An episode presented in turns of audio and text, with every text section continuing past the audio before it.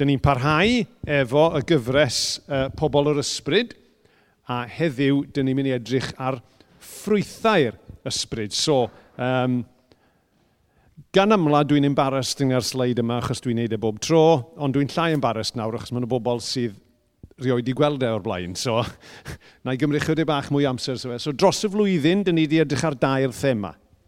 Dyn ni wedi edrych ar yr eglwys fel teulu, dyn ni wedi edrych ar yr eglwys yn estyn allan, a nawr dyn ni'n edrych ar yr eglwys fel pobl yr ysbryd, sy'n ddisgrifiad da iawn yn tydi o bobl ddiw.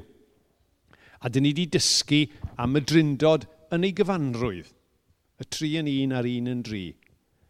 A weithiau, dyn ni'n anghofio sôn am yr ysbryd lan, dyn ni'n sôn am ddiw y tad, dyn ni'n sôn am ddiw y mab, ond dyn ni wedi bod yn pwysleisio gwaith diw yn, yn yr ysbryd lan yn dod ato ni. A be dyn ni'n neud ydy dyn ni'n edrych ar y gair er mwyn dod am profiad ni i fyny at beth sydd yn y Beibl yn ytrach na tynnu pethau lawr un lefel ni.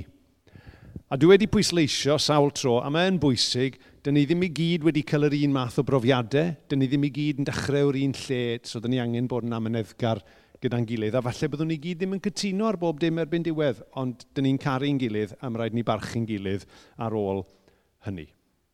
Ond dyn ni wedi dysgu llwyth o bethau pwysig iawn. Dyn ni wedi dysgu bod bywyd yn yr ysbryd yn allweddol, achos mae'r math o fywyd mae Iesu Grist wedi dod i ni i gael yn fywyd arbennig iawn. Mae wedi dod i ni gael bywyd ar ei orau. Mae wedi dod i ni gael bywyd sydd efo ffrydiau o ddŵr yn llifa allan ohono ni. Y darlun yna o fywyd darlun cyfoethog yna o fywyd a gwaith yr ysbryd sy'n gwneud hynna'n bosib. Mae gwaith yr ysbryd yn cynnyddu yn mawl ni, yn yn gwneud ni'n fwy ifydd, yn gwneud yn tystiolaeth ni'n fwy effeithiol. So mae hwnna eto yn allweddol iawn, iawn, iawn. Dyn ni'n mynd i edrych yn ôl ar y profiadau dyn ni wedi cael, a dyn ni'n gallu gweld ôl llaw yr ysbryd lan ar ein bywydau ni, yn yn cyffwr ni. Falle am y tro cyntaf, yn gwneud i ni feddwl am bethau dew am y tro cyntaf, A dyn ni'n lli brofi e yn awr, a dyn ni'n gwybod y bydd e efo ni eto. Dyn ni wedi dysgu, mae nid rhywbeth ar wahân ydy gwaith yr ysbryd. Gwaith diw ydy e. Gwaith diw y tad, gwaith diw y mab, gwaith diw yr ysbryd lan. Yr un peth ydy e, mae'n barhad. A mae'r gwaith yna yn yn trawsffurfio ni.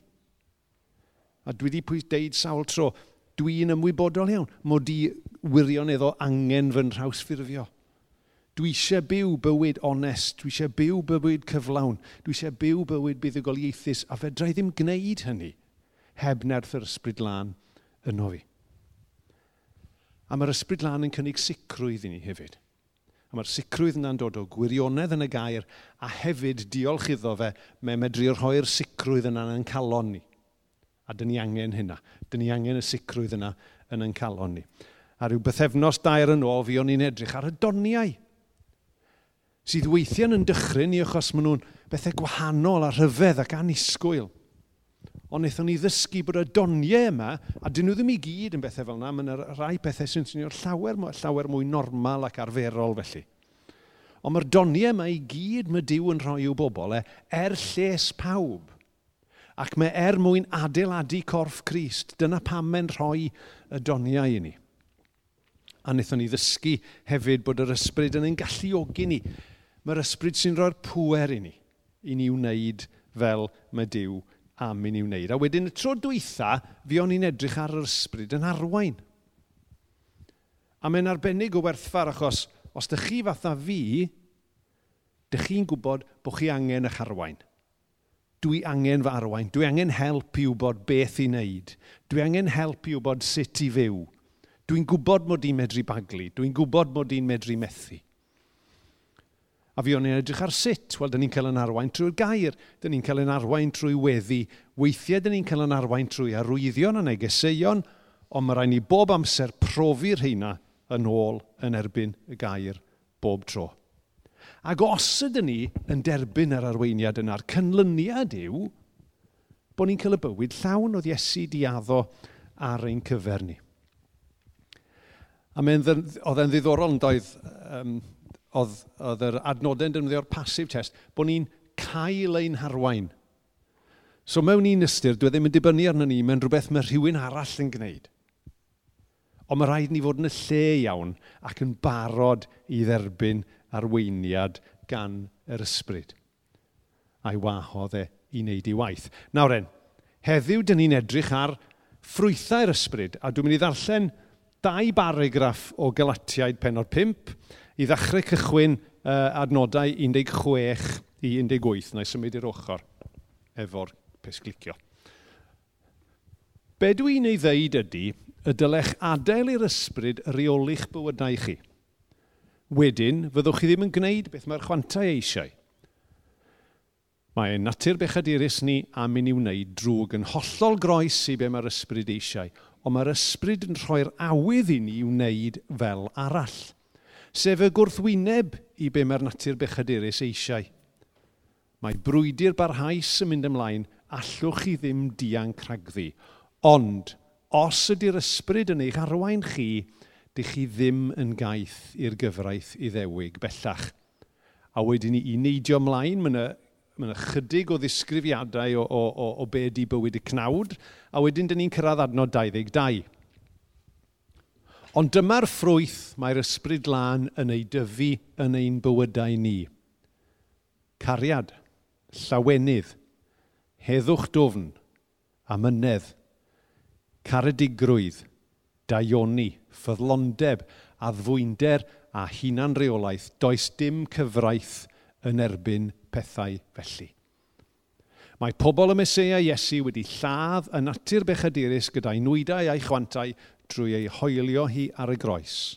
Felly, os ydy'r ysbryd wedi rhoi bywyd i ni, rhaid i ni adael i'r ysbryd ein harwain ni. A'r adnodau yna sydd yn aml amlinellu ffrwythau'r ysbryd.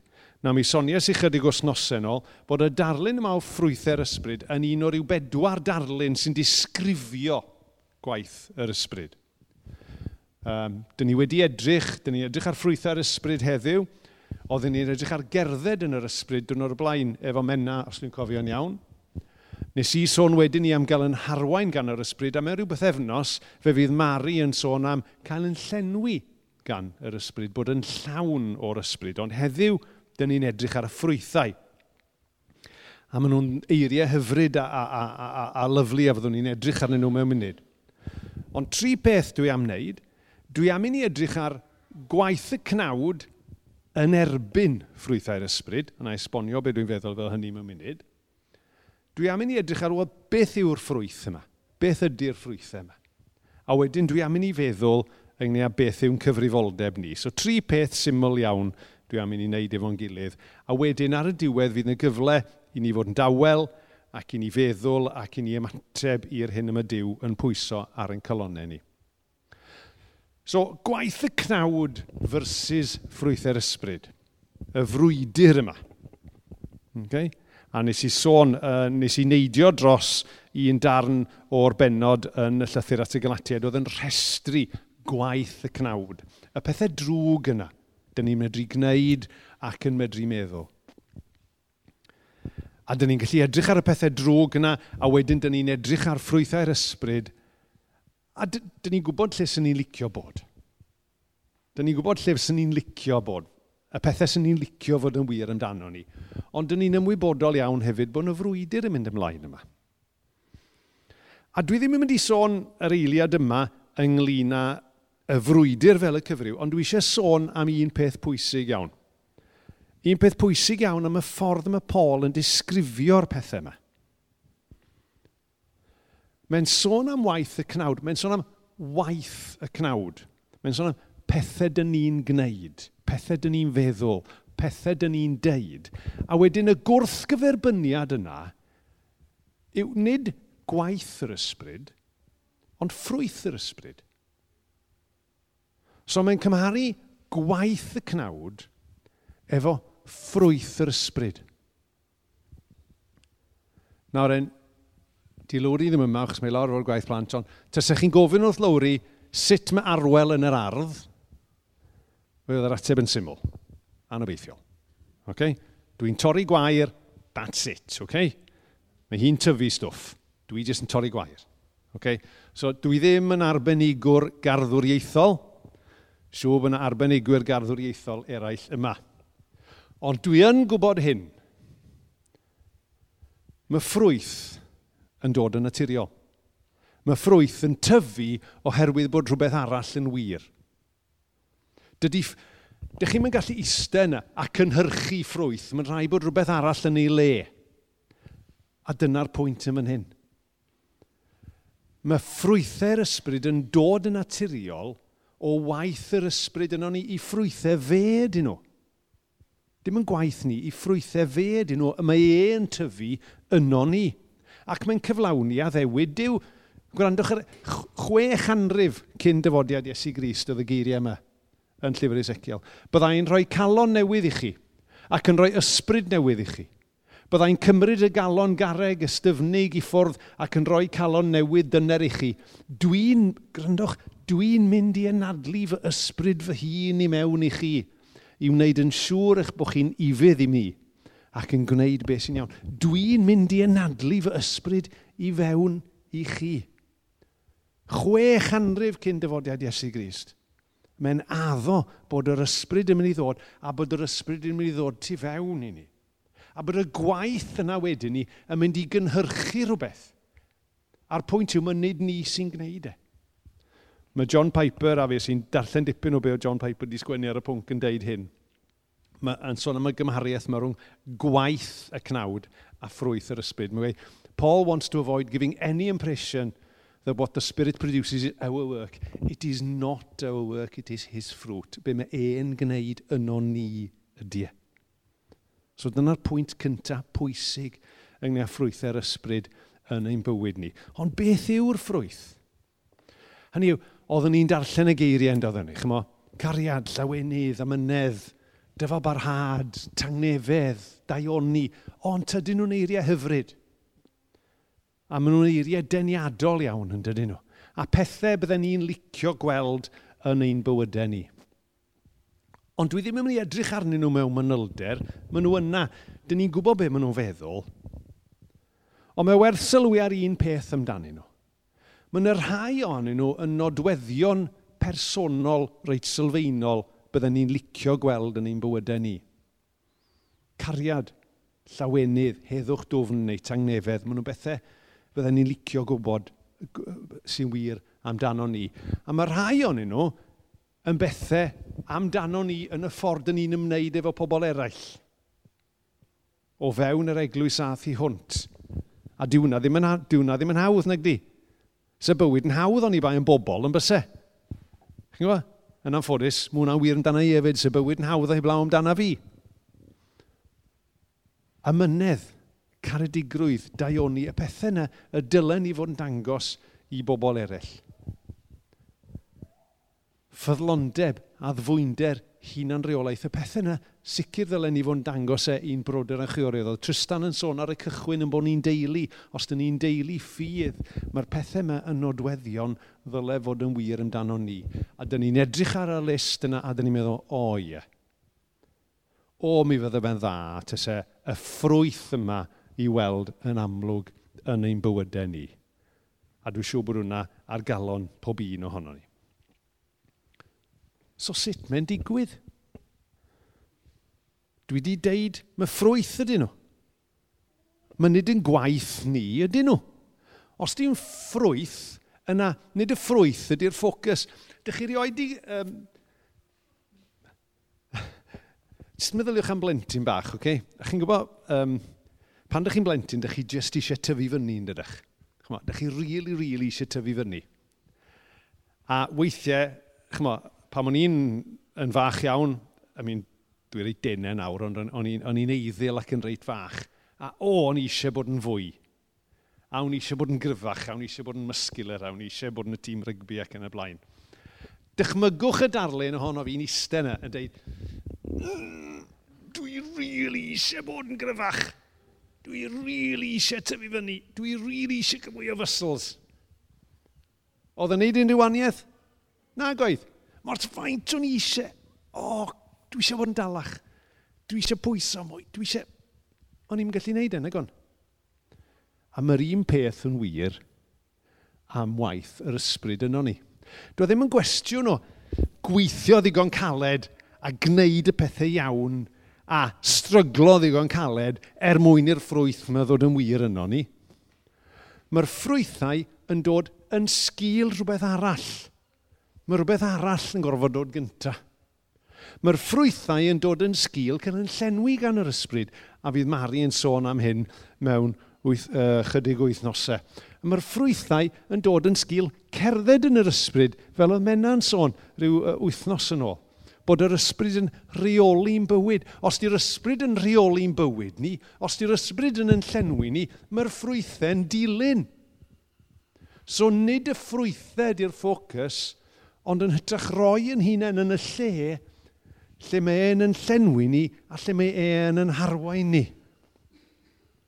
Os ydyn ni'n cerdded yn yr ysbryd, os ydyn ni wedi'n llenwi ganddo fe, yna mi fydd Dyw trwy ysbryd yn datblygu'r ffrwythau yna yn yn bywyd ni. So, y lle i edrych wrth feddwl am y cyfrifoldeb ni yw nid yn fanna lle dyn ni'n gweld y ffrwythau, ond i ni fod yn siŵr bod y pethau eraill yn wir amdano ni, bod ni'n barod i gael yn llenwi efo'r ysbryd, bod ni'n barod i gael yn harwain, bod ni'n barod i, i, i, i roi yn bywydau iddo fe. Achos mae yna gyfrifoldeb yno ni. Dwi e ddim yn, nid yna'n gwaith ni, ond mae yna gyfrifoldeb yno ni. Byddwn ni'n dod eto, fel yn ni deud, am be mae'n golygu i'r ysbryd yn llenwi ni ac yn y blaen. Ond dyn ni licio medru gwneud rhywbeth yn dydyn. Dyn ni licio medru ymateb. A mae Dyw yn ei ras yn caniatau'r rhan i ni yn y gwaith, chi'n gweld? Dwi wrth y modd efo'r darlun yna, mae'r hystyd yn wyddio sawl tro, o'r um, rhywun yn ei cacen efo plentyn adre. Efe, ydych chi wedi clywed o'r blaen, os ydych chi, meddeiwch i fi, ond dwi'n meddwl bod e'n ddarlun hyfryd. Chyma, mam, dad, dwi eisiau gwneud cacen efo chi.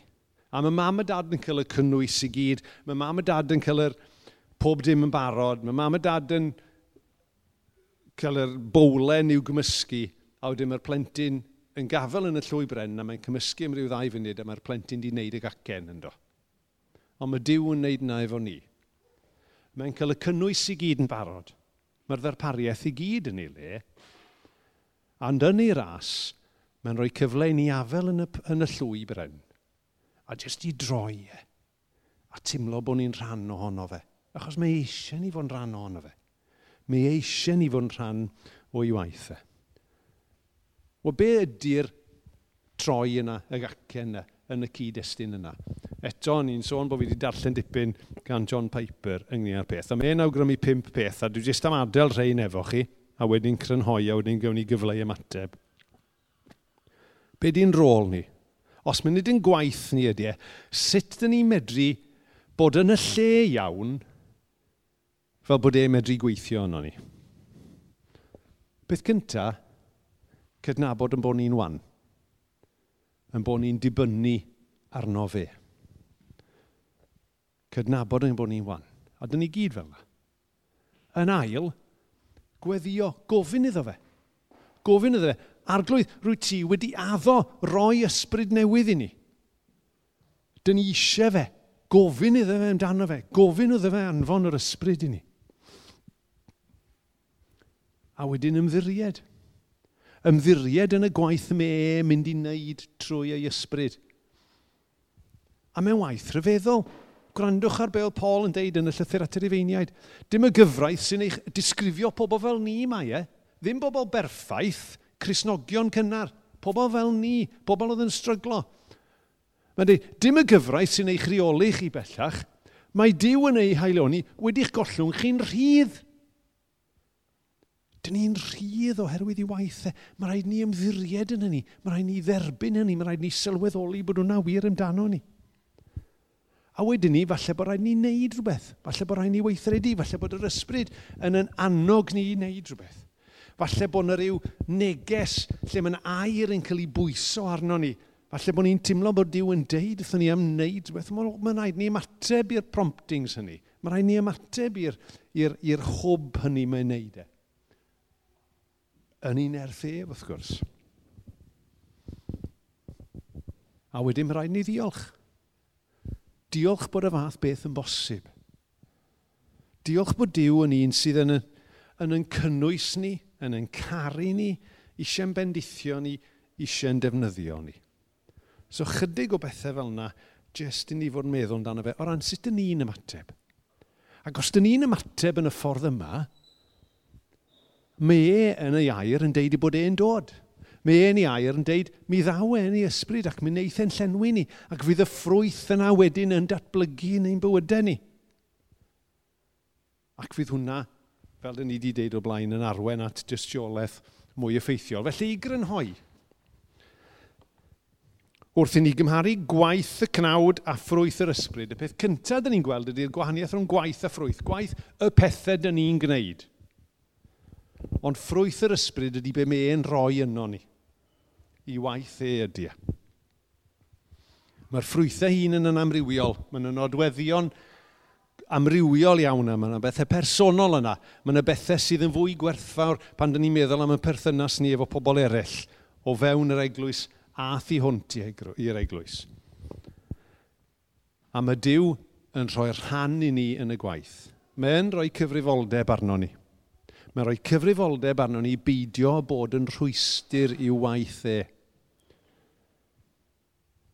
mae Robin yn defnyddio'r darlun o, o cael, uh, uh, creu'r landing strip na, ynddo fe. Clirio'r landing strip ar gyfer yr ysbryd ddisgyn. Bod nhw ddim byd yn y ffordd. A dyn ni'n gwneud hynna drwy gydnabod yn gwendid. Dyn ni'n gwneud na trwy weddio. Dyn ni'n gwneud na trwy ymddiried yn ei waithau. E. Dyn ni'n gwneud na trwy ymateb pan mae'n gofyn i ni wneud rhywbeth. A dyn ni'n gwneud hynna trwy ddiolch. Be fyddwn ni licio neu nawr yw, Fes ni licio cyfnod tawel i ni gael jyst meddwl yng a hynny. A falle na i ddeud chydig yn ystod y cyfnod tawel yna, ond yn fwy na dim byd arall, mae'n gyfle i ni gael meddwl a mae'n gyfle i ni gael gweddio a gofyn i ddiw yn ei ysbrydau i ateb yn gweddi ni ac i'n llenwi ni. Ac wedyn, os fydd e'n gwneud hynny, fydd y ffrwyth yna'n dilyn. Wedyn ar ddiwedd y cyfnod yna, os ddaw'r band i fyny, a newn ni gannu uh, mae deisiau di bob awr fel ymateb naturiol yw hynny. So dewch i ni dawelu o flaen diw am chydig. O dad, wrth i ni blygio dy flaen di, ydyn ni'n gorfod cydnabod yn gwendid. Bo ni'n gorfod dibynnu'n llwyr arna ti. O dad, dyn ni yn gofyn i ti gyflawni'r addewid yna o lyfr Ezekiel – ar y ddewyd yna'n llyfr Joel, i ti ddod yn dy ysbryd i lenwyd y bobl. A dyn ni eisiau hwnna fod yn wir i ni ac amdano ni. Arglwydd da, dyn ni'n diolch i ti dy fod ti yn ddiw, dyn ni'n gallu ymddiried ynddo. Dy fod ti yn ateb gweddi, dy fod ti eisiau bendithio, a dy fod ti eisiau i'r ffrwythau yna gael ei amlygu yn ein bywydau ni hyd yn oed rhai fel ni. O arglwydd dad, helpa ni wrando. Helpa ni wrando ar hyn rwy ti'n deud yn dy ysbryd wrtho ni. Am bod ni o glywed hynny yn gwneud rhywbeth, yn gweithredu yn ifydd. A dyn ni eisiau diolch arglwydd. Eisiau diolch i ti am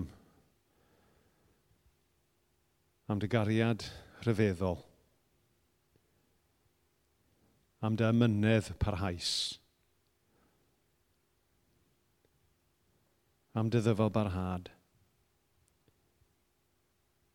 yn gweithio yn ein bywydau ni ac yn cyflawni dy waith ynom ni a thrwom ni. Diolch i ti arglwydd. Amen.